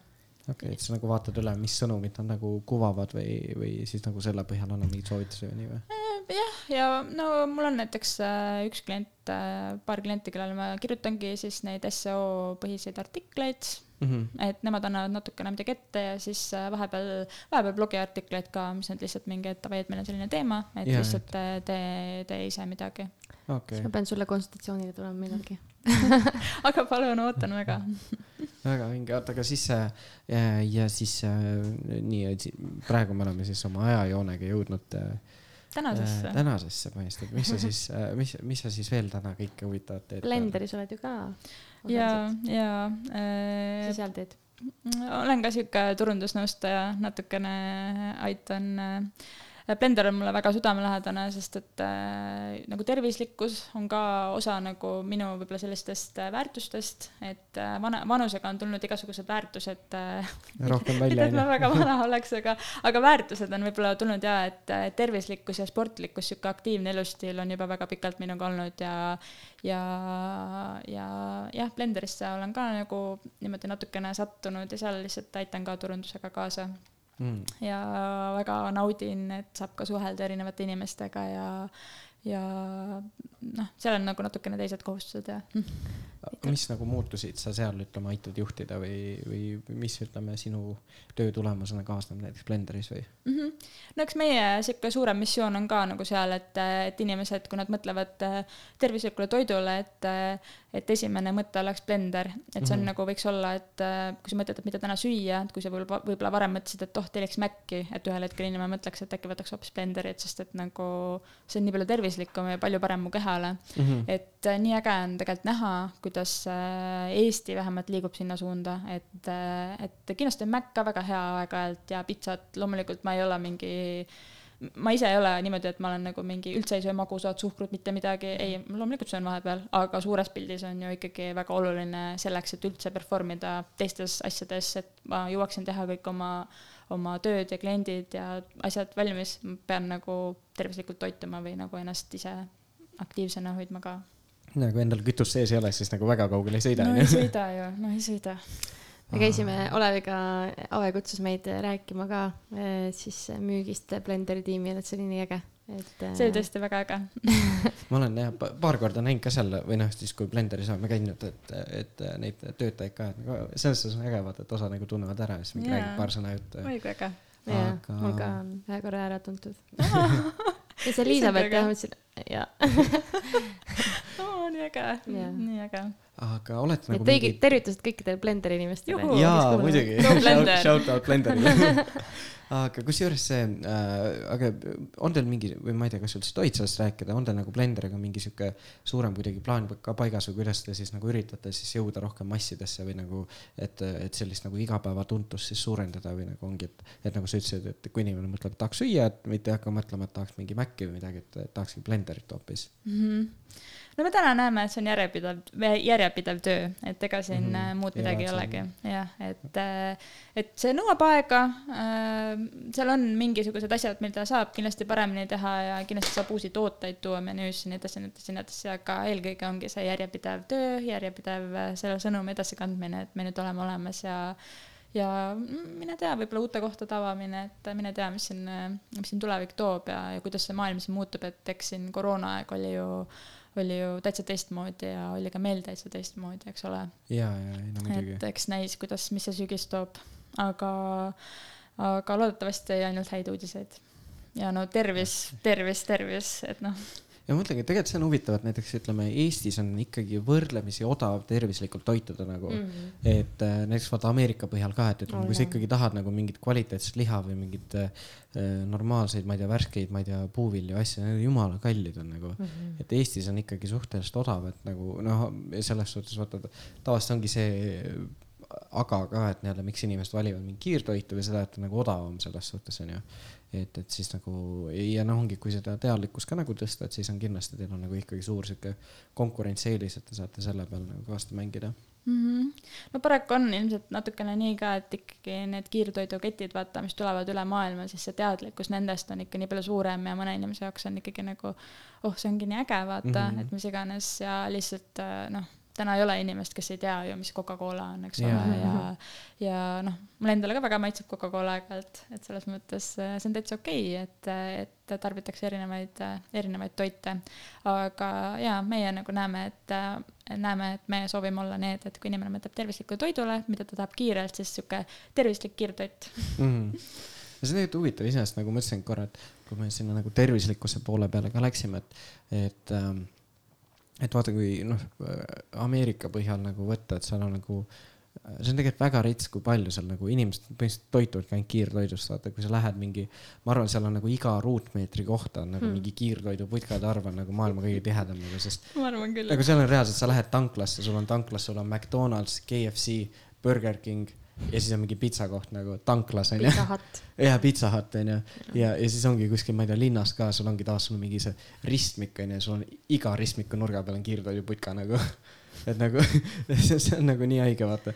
et aga ma ütlengi, et ja mingil määral tegelikult see on nagu Eestisse ka järjest rohkem tulemas, vaata, et järjest üha, üha rohkem kiirtoidukette, asju onju, et. nagu, mis võiks olla nagu, mis võiks aidata selle vastu võidelda mingil määral, sest tegelikult ju eestlased on ka tegelikult aina rohkem on ülekaalulised, aina, aina vähem tegelikult liiguvad ja, ja see on ikkagi ülipalju nagu toitumisest ja, ja noh, ongi toitumine ja siis see nagu elustiil nii-öelda onju. -hmm. et ma ei tea, kas üldse nagu on võimalik kuidagi selle vastu nagu võidelda ka või mida üldse annaks teha. noh, eks annabki oma parimat selle vastu teha, et äh, ma ei ole kindel, kas meie täna suudame kõikide kiirtoidukohtade vastu võistelda no,. Mhm. võib-olla see ei ole ka eesmärk omaette, et No no, jaa. õnneks on ikkagi see, ka see, et äh, kuigi tõesti ma nagu ise tänaval liigeldes ka näen, et äh, see ülekaalulisus võib-olla on natukene jälle suurem probleem, siis teisest küljest ikkagi see teadlikkus tervislikust toitumisest ei ole ka olnud mitte kunagi varem nii kõrge, kui see täna on. et on Jaa. mingid asjad, mis räägivad nagu selle poolt ka, et inimesed ikkagi tahavad ja noh, kui sa tahad olla edukas, siis sa pead ikkagi, pead ikkagi oma tervisele mõtlema, et see on ju kõige mm, -hmm. kõige basic lõppkokkuvõttes, et kui sul ei ole tervist, siis mis vahet seal on, kas sa oled edu- edukas või mitte ja seda kindlasti. aga äh, ma küsiks siit äh, siia seda, et äh, mm, me teame, et sa võtad praegu coaching ut ka, onju, natukene hüppame et, et mi, kuidas sa selleni jõudsid või mis sa tunned, et miks sa selle enda ellu nagu võtsid, et me, meil on pär- päris mitmeid äh, Southwestern Consultingu coach'e käinud siin äh, esinemas ka ja rääkinud, et siis äh, Ave võttis ka endale coach'i, et miks sa võtsid? ja äh, mina võtsin ka Southwestern Consultingust Liisa-Maria Connori ja ma tegelikult mõtlesin sellele juba paar aastat tagasi, saime ka korra kokku ja Liisa jäigi mulle silma sellest raamatumüügi ajast ja tema jäi siis silma sellega, et äh, kui mina fail isin, siis tema oli nagu see, kes äh, perform'is mega hästi. ja kuidagi midagi vahepeal ei olnud ja siis äh, ta vist hakkas nagu rohkem, olidki need podcast'id hakkasid vist rohkem levima või kuidagi ma täpselt ei teagi, kuidas, ma, ma täpselt ei mäleta, kuidas ma nagu temani jõudsin ja siis me saime nagu kokku, siis ta rääkis mulle sellest programmist. Aga tollel hetkel võib-olla ma ei olnud oma elus ka seal kohas, kus ma nagu mõtlesin, et okei okay,, et äh, ma küll mõtlesin, et see oleks väga hea ja kõik nii edasi, aga, aga kuidagi see asi nagu jäi pooleli. Ja siis äh, tegelikult oligi niimoodi, et, et äh, olen teie podcast'i ka kuulanud ja Liisa käis siin rääkimas ja ma tegelikult juba enne seda olin veits mõelnud, et okei okay,, et võib-olla praegu on see hetk käes, et, et kuidagi nii palju, nii palju erinevaid teemasid on, mis mind kõnetavad ja mida, millega ma tahaks tegeleda, et ma lihtsalt ei suudagi valida. Ja mul ongi nagu mingid asjad, mu laual on väga palju asju, millega ma tahan tegeleda, ma ei suuda kuidagi aega võib-olla hästi hallata. Ja just see aja teema oli see, millest rääkisin teie podcast'is ja siis äh, ma kuidagi approach isin teda uuesti ja siis äh, tegin selle, või noh, ühesõnaga ma tegin selle otsuse enne juba, kui ma approach isin teda ja siis see oli ainult vormistamise küsimus nagu, sest ma juba tegelikult teadsin kogu seda lugu, eks ole hmm.. ehk siis sa olid samasugune buyer nagu mina, et ma approach in ise ka Liisat, et muidu on niimoodi, et nemad ise approach ivad kliente, vaata. ja, ja, ja, ja mul oli ka nagu niimoodi, et, et olen siin teie saates vist on käinud neid teisi inimesi, aga on, on veel mingites teistes saadetes ka käinud, kus ma olen kuulnud, aga nagu mina teadsin kohe, et, et mina tahaks temaga nagu koos töötada. ma ei teagi, miks ja, ja valisin, valisin selle välja ja kui me tulime rääkisin jälle neist etappidest, mis on nagu minu elu võib-olla mõjutanud, kuigi mul on alles mingi, me oleme vist poolteist kuud nüüd äkki teinud koostööd, siis ma juba tunnen nagu, et see oli nagu see järgmine punkt, millest tuleb sihuke elu muutev kogemus mõnes mõttes aga see on äge, et sa nagu ise ka noh, ikkagi nagu push'id ennast järjest edasi, tahad nagu kaugemale jõuda ja liikuda. et, et siis ise nagu peamiselt tunnedki, et siis nagu Liisa aitab sul nagu selle prioriteetide seadmise, aja kontrollimisega või, või mis, mille osas sa veel näiteks üldse ise tunned, et kuidas, kuidas siis nagu coach'i omamine sind aitab nagu elus oma eesmärkidele lähemale mm? -hmm. ma tunnen nagu seda, et pärast seda, kui meil on need coaching sessioonid ja meil on mingid teemad siis, mis me läbi käime ja tegelikult need teemad on hästi lihtsad, see ei mm -hmm. ole nagu midagi revolutsioonilist minu jaoks, et äh, kui sa ikkagi oled natuke lugenud, võib-olla kuulanud mingeid podcast'e, käinud mingitel üritustel ja nii edasi, siis sa tead seda kõike, see teooria omamine on väga-väga tugev mm. -hmm. aga täpselt nagu me enne rääkisime, vaata, et äh, kui ka oli küsimus, et kust siis tuleb nagu see, et sul on suva, mis teised arvavad mm, -hmm. siis Mhm. see nagu tegemine on tegelikult midagi muud ja, ja, ja ma olen äh, proovinud mingisuguseid asju ka ju oma elus, nagu võib-olla me kõik oleme siin Miracle Morning ärkad kell viis, täpselt kaks päeva ja, ja siis kõik see hommikujooga ja ja, kirjutamine. ja, ja olen mina ka teinud igasugu asju, et mõned asjad on jäänud, et hommikused kõhulihased on, mida ma teen igapäevaselt suhteliselt. aga nagu pärast neid vestlusi coach'iga on nagu alati see tunne, et äh, ma olen talle ka öelnud, et ma nagu päeva jooksul vahepeal ma lihtsalt tunnen, kuidas mu aju plahvatab, sest ma lihtsalt protsessin nii palju mõtteid mis nagu kuidagi varem ei ole nagu jõudnud, aga ma tunnen, et ma nagu reaalselt analüüsin mingeid tegevusi ja ma tunnen, et, et see oli see hetk, kus ma võib-olla ei olnud nii produktiivne ja ma nagu kuidagi analüüsin oma ajakasutust või olen hakanud seda tegema. et ma ei masterda konkreetselt midagi veel, aga mingid väiksed sammud on juba ja mulle nagu väga meeldib, et keegi ütleb, et jah, see väike võit on ka nagu see, et see on ka täiega okei okay,, et see on, see on tänase päeva võit, et ega nagu pikk tee on minna ja ma olen ise paar maratoni jooksnud elus, ma tean, et maraton ei olegi nagu see, et et sa sada meetrit jooksed sprinti ja siis äh, paned lõpuni välja, ei ole nii, vaata, sa peadki sprintima seal lõpus selle sada meetrit, et et äh, see ongi mu plaan et siis vaikselt minna ja, ja tegeleda oma unistustega ja tulla selle Harry Potteriga siis välja kunagi, uue Harry Potteriga, see ei ole kindlasti, see ei tähenda, et tuleb uus Harry Potter, vaid et midagi sarnast, mingi äge fantaasiamaailm. jääme ootama kindlasti onju. nii äge, mul tekkis ise ka endale uuesti tahtmine võtta consulting ut, et võib-olla, võib-olla pean.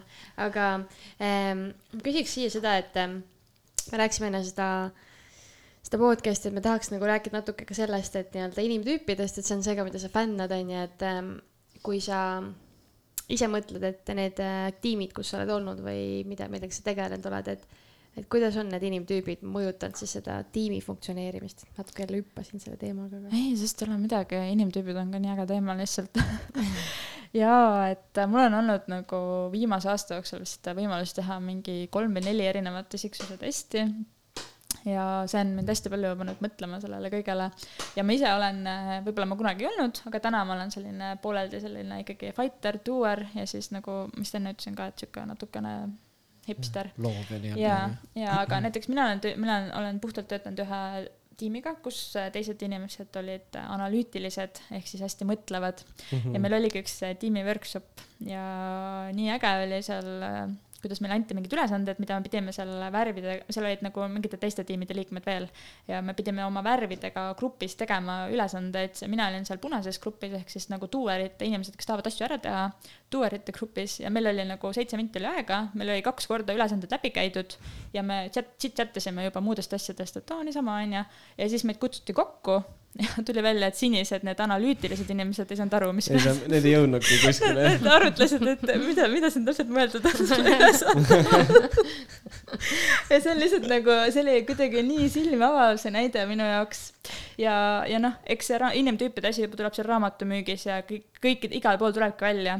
ja mida ma olengi võib-olla õppinud, ongi nagu see, et tegelikult inimesed ongi erinevad ja, ja kui mul on võimalus, siis ma valin enda kõrvale mõnes mõttes sarnaseid inimesi, aga ma tajun, et selleks, et mingid asjad saaksid tehtud, on vaja siis igat inimest, et on vaja seda, kes on analüütiline, on vaja seda, kes nagu mõtleb, et aga mis siis kui, sest et mina tihtipeale ei mõtle sellele, et mina oma tööd täna olen, noh, ma ei ole ka selles mõttes perfektsionist alati, et mul on nagu niimoodi, et äh, digiturunduses, millega ma täna tegelen ka suht palju, on hästi palju testimist, et sa testidki ühte asja, teist asja, et ma olen, mul on niisugune startup'ilik mindset, et alati sa ei pea nagu ma ei tea, super põhjalikult, ma ei tea, timmima ja sinna nagu aega panustama, et sa pead jälgima seda kakskümmend, kaheksakümmend printsiipi, et sinu kakskümmend protsenti tegevustest annab kaheksakümmend protsenti tulemusi mm, -hmm. aga kui ma panen sinna nagu nii palju aega, et timmida perfektsionism, noh, nagu perfektseks asja, samas mina ei tea, mis on inimeste jaoks perfektne, sest et mina olen ju ainult see üks inimtüüp, eks ole mm, -hmm. siis äh, tegelikult sa ei saa ju mingit tulemust, sest et sa lihtsalt panedki sinna proportsionaalselt liiga palju aega ja see on Jaa, sinu jaa. jaoks perfektne, aga võib-olla sinu ja jaoks siis ei ole teise vaatab, et aa, mis jama see jaa, just, et tegelikult nagu ongi, et,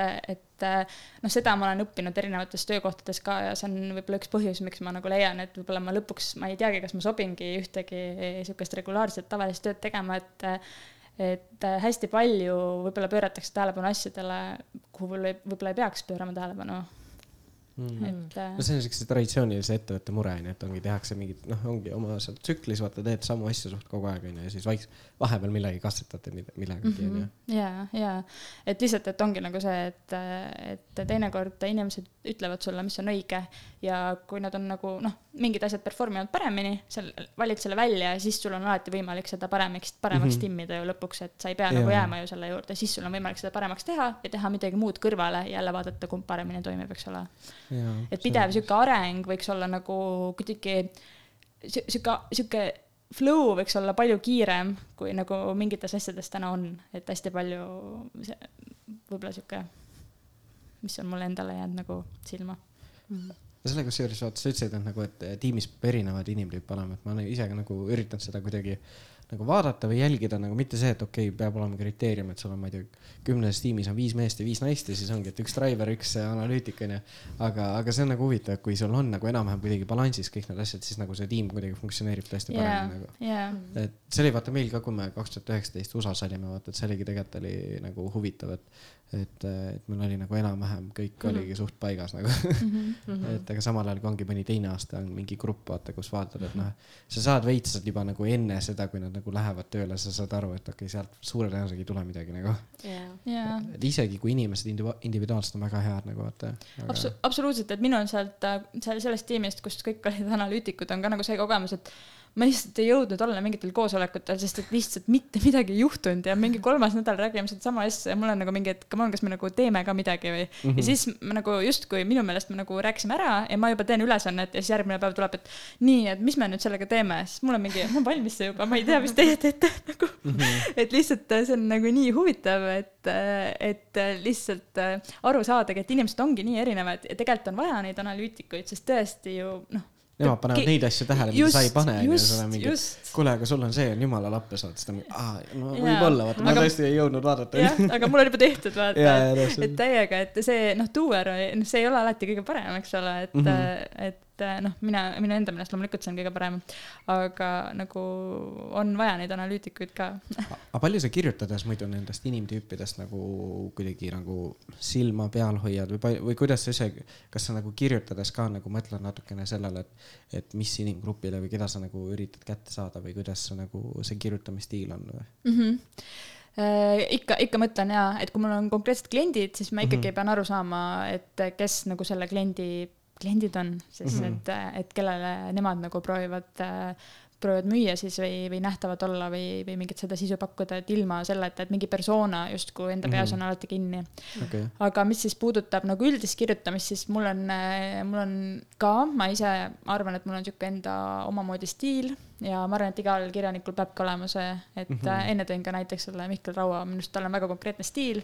Sa loed mingeid tekste ja, Ja tegelikult noh, sa saad aru, et see on tema kirjutatud isegi Mhm. siis, kui tema nime ei ole all ja ise ja, nagu ja. tahaks kunagi jõuda sellisesse punkti, et okay. selles mõttes minu arust see on väga äge. ma küsin siia lõppu selle, et kuidas sina näed, varsti meil saab see nii-öelda saateaeg otsa juba, oleme üle tunni siin jutustanud, et et kuidas, mida, mida tähendab üldse müük sinu jaoks, kuidas sina seda näed? mm. -hmm.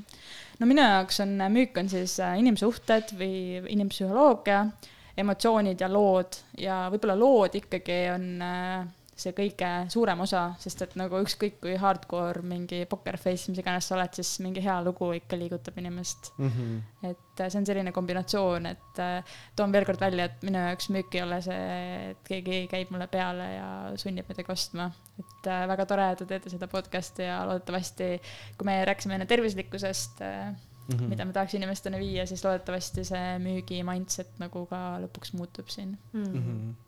ja see story telling on tõesti nagu, sest ma ise ka mõtlen, et nagu ikkagi mingid brändid või kasvõi noh, mis iganes asjad, mis mulle meeldivad, on nagu enamasti ikkagi mingi nagu story taga või näiteks noh, ma olen nagu, ma olen näiteks räigelt Nike'i usku, vaata, et mul on nagu see et aga nagu see tuleneb ka ütleme kasvõi noh, et lihtsalt minna sinna ajas tagasi, et umbes, et la, et, näiteks eh, noh, ma olen ka mingi Jordanit näiteks fänn olnud onju, et, et samamoodi, et, et noh, kuna tema nagu selle brändiga seotud on ja kogu see nagu story ja siis hiljuti lugesin selle Shoe Dogi raamatu ka läbi, vaata, et nagu eh, teades seda nagu brändi ajalugu või seda tausta, kuidas see üldse nagu nii-öelda tuli, siis nagu mul on see, et ma noh, poes, kui ma näen, ütleme Adi ja nagu Nike'i kõrval, siis ma ikka nagu lähen sinna Nike'i poole peale et mm -hmm. kui ma muidugi Adidase brändi ka võib-olla rohkem uuriks, et siis äkki nagu vaataks Nike ka rohkem, aga, no aga... ei tea, kuidagi aga noh, see tekib see sihuke nagu see sihuke usaldus või nagu kuidagi ustavus mingi asja vastu nagu ajapikku, vaata. ja tekibki ja oledki valmis maksma, ma ei tea, kakskümmend euri rohkem nende ketside eest või kolmkümmend, mis iganes, sest et äh, see on nagu see, mida sa ise kuidagi mm., see läheb nii, no kuidagi sinuga nii mm -hmm., noh, see on, noh, bränd ongi nagu mõnes mõttes sinu peegeldus, eks ole ka, et, et ma olen täitsa nõus. Storytelling ust meil oli Liisa, Liisa Konnariga ka natukene rääkisime sellest. aga Olev, küsid äkki lõppu siin need oma need kolm ja mul on see sihuke kuldkala küsimus ka, mida ma kõigilt küsinud, et, et äh, kui nüüd äh, ütleme, peaks juhtuma sihuke hüpoteetiline olukord, et, et äh, noh, sa juba tead ka, mis siit tuleb, onju. et, et nagu, aga põhimõtteliselt sa saad teada nagu, et sa, et ütleme, sinu, sinu nagu aeg saab läbi, onju. ja, ja sa, sa saad endast maha jätta siis nagu kolm mõtet või kolm soovitust teistele inimestele. et, et ära nagu selles suhtes mingi pinget peale pane või mingit ideaalset vastust nagu välja mõtle, aga, aga lihtsalt, mis sa ise nagu esimesed kolm sihukest mõtet või soovitust äh, tulevad, mida sa tahaksid endast maha jätta, kui sa saaksid mm? -hmm no ma esimese asjana kindlasti ütleksin, et stay curious nagu ja nagu lihtsalt jätka õppimist ja lihtsalt äh, nagu tunne huvi asjade vastu, maailma vastu mm, -hmm. oma, ma ei tea, sõprade vastu, tunne lihtsalt huvi ja nagu ole excited mingitest asjadest, et see on kindlasti esimene asi, mis ma ütleks mm. -hmm siis ma ilmselt ütlekski selle, mis on väga palju läbi käinud, mis ma ise tunnen, et äh, on väga palju mind nagu aidanud võib-olla elus edasi või täna sellesse kohta, kus ma olen, ongi nagu see, et äh, ole sina ise, et tegelikult vahet ei ole, mis teised arvavad sinust mm. -hmm. et lõppkokkuvõttes kõik kõik võib-olla suured liidrid ja kõik need edukad inimesed on ju, et äh, kindlasti ma ei pürgi selle poole, et ma meeldin kõigile inimestele, ma tean no, kindlasti. ja, ja on ja mõned inimesed ei meeldi mulle ka. -hmm. see on ka täitsa fine onju. see ongi nagu, et lihtsalt, et kõikidel suurtel võib-olla sellistel liidritel ongi nagu need nagu pooldajad ja on vihkajad, et selles mõttes see on minu arust on nagu, aitab väga palju võib-olla sellele kaasa, et, et nagu, et selleks, et olla võib-olla milleski väga hea, see ongi nagu okei okay,, et, et sul ongi mingid pooldajad ja sul on mingi sõnum, mida sa julged välja öelda ja see meeldib neile pooldajatele, et see ei pea kõigile meeldima. ja võib-olla siis äh, mis ma veel siis ütleks, on, et äh, unistage ja jah, võib-olla see unistage lihtsalt, et äh, mm, ma ei tea, julgege võtta see hetk, et te lähetegi sinna Harry Potteri maailmasse või kuskile ja, ja lülitate ennast välja sellest äh, noh alati ei ole häid päevi, me kõik teame, et me võime rääkida nii palju positiivsusest, mida iganes, alati ei ole häid päevi, on kehvi päevi, aga tihti aitabki see, et paned mingi hea filmi käima või, või võtad mingi hea raamatu kätte, lihtsalt võta see hetk ja naudi ja lihtsalt ole selles hetkes ja, ja ongi parem. Nii äge, see lõpp siia, sihuke väga mindful. jaa, see oli nii, nii tore nagu täiega suured tänud sulle, et sa tulid äh, päriselt ja et sa üldse meid kutsusid ja meid approach isid, et me muidu ei oleks sinust teadnud ja, et see oli nagu sihuke nii vastastikune win-win-win nagu selles suhtes, et aitäh, et teie kutsusite, väga-väga äge kogemus. et kui inimene tahab sinuga ühendust võtta, näiteks tahabki seda mm, sisuturundust, äh, teenust või konsultatsiooni sinult võtta, et kuidas ta sinuga ühendust peaks saama mm? -hmm. no mulle võib äh, kirjutada alati kuhu? Äh, meilile või Instagrami või Facebooki, et. Äh, mis su, mis su meil ja Instagram on mm? -hmm. Instagramist leiab mind Ave Annuk nime all ja meil siis ave.annuk kaheksakümmend üheksa et gmail punkt kom. võite mm -hmm. kõik kirjutada, küsida, jagada lugusid, võib-olla mõni kirjanik siin. äge, aitäh see on äh, nii, nii tore, mulle nagu sellest üli, ülimalt meeldib see ka, et sa nagu alguses vaata, sa ei olnud üldse kindel, et kas ma tahaks tulla või nagu mida, mm. millest mul nagu rääkida on, aga samas tegelikult. ütleme siit, äh, kui me võtaks mingi nagu selle killukese nagu veel spetsiifilisemas ette, hakkaks mingi kümme tundi, kümme tundi lihtsalt jutustada nagu lõpuks lugude rääkimine, vaata. ja, ja täpselt. või siis ongi võtta, teha mingi full sihuke, sihuke äh, mingi kino, kinoepisood, mingi sihuke no, nohitsemise episood, hakata rääkima mingeid filmilugusid. siis ma oleks pidanud ikka kostüümid panema sellega, ega mis asja nagu. mulle vist kõige rohkem jäi kõnetama see, et et see sisuturundus tegelikult on protsess, noh, ma olen sellest varem ka nagu kuulda nii, aga et see tegelikult järjepidev töö ja ma tunnen, et me oleme oma podcast'iga küll seal natuke unarusse jätnud, peaksime natuke rohkem tegema. peame, peame jah seda järjepidevust tõstma, onju, et. aga mis sa tunned, mis sa, mis sa praegu täna kaasa võtad endaga? mm,? mul on nagu noh, samamoodi, et, et, et noh, vaata, meil oli hästi sihuke nagu mingil määral nagu lai, et me puudutasime nii paljusid teemasid, aga nagu kasvõi seesama lõpust, et nagu unista suurelt ja nagu julge unistada, et, et nii paljud inimesed nagu ongi see, et tegelikult kõigil on mingid mõtted ja tahtmised ja nagu mingid ideed, mida tahaks teostada, aga siis nagu nii kiirelt lüüakse sellele käele või nagu ongi, tuleb mingi esimene, esimene raskus vastu ja siis on see, et kohe, et ah, tead, ju siis ikka ei olnud minu jaoks või ju siis ma ikka ei pidanud seda tegema ja nagu mm, -hmm. et, et, et noh see on see vaata sihuke klišeeline see quote, et a la, et kõige sihuke rikkam koht on see surnuaed nii-öelda maailmas vaata, et. et, et noh, nagu ei, see on vaata, see on nagu, kui sa mõtled selle quote'i peale, et nagu tegelikult on ju nagu, et nii nagu nii paljud inimesed viivad oma nagu ideed sinna vaata, et samas, mis võinud ka teoks, teoks saada jaa, et tegelikult ma... jah, see, et äh, parim päev alustamiseks on kohe või parim hetk alustamiseks on kohe praegu, et see on kindlasti võib-olla tõesti ka siia noh, siia lõppu üks äh, hea mõte, et. jah, et lihtsalt nagu mine tee, vaata, tahad, tahad midagi teha, proovi, kukud läbi, kuku, mm, aga sa oled nagu, ja sa oled nagu nii palju targem tänu sellele. Nagu. et ega mul ju ka väga palju edulugusid täna siin ei olnud, et olidki siuksed katsetused ja kõik, et aga see on lihtsalt nii palju õpetanud ja nagu ikkagi ma olen nagu nii õnnelik, et me kunagi alustasime mingi siukse asjaga, mis tundub e nii sür täna ja, sest noh, ongi noh, kasvõi lihtsalt see sinu äh, see nii-öelda ükssarvikuse leht ka vaata, tegelikult mm. nagu lihtsalt töötasite nagu mingi asja nullist üles ja samas nagu kui sa nüüd uuesti tahaksid teha või kasvõi sama asja jätkata või millegi muuga proovida, sa suudad seda sama asja tõenäoliselt palju kiiremini ära teha nagu. Mm.. et jah, siuksed head mõtted siia lõppu onju aga aitäh kõikidele kuulamast, et follow ge meid ka Instagramis Elu on müük ja Facebookis ja kuulake meid Spotify's ja siis saab kuulata ka SoundCloudis ja, ja Apple podcastis. ja, ja kui sulle see episood meeldis, siis kindlasti jaga seda ka mõne oma tuttavaga ja, ja nii-öelda jaga, jaga, jaga head kama ka teistega. ja, ja kui see kõnetas, siis anna Ave tagasiside meile ka, nii et ja. mis sulle meeldis. vot, aga aitäh teile kõigile ja ilusat päeva või õhtut või hommikut, oleneb kuna sa kuulad. tšau. tšau.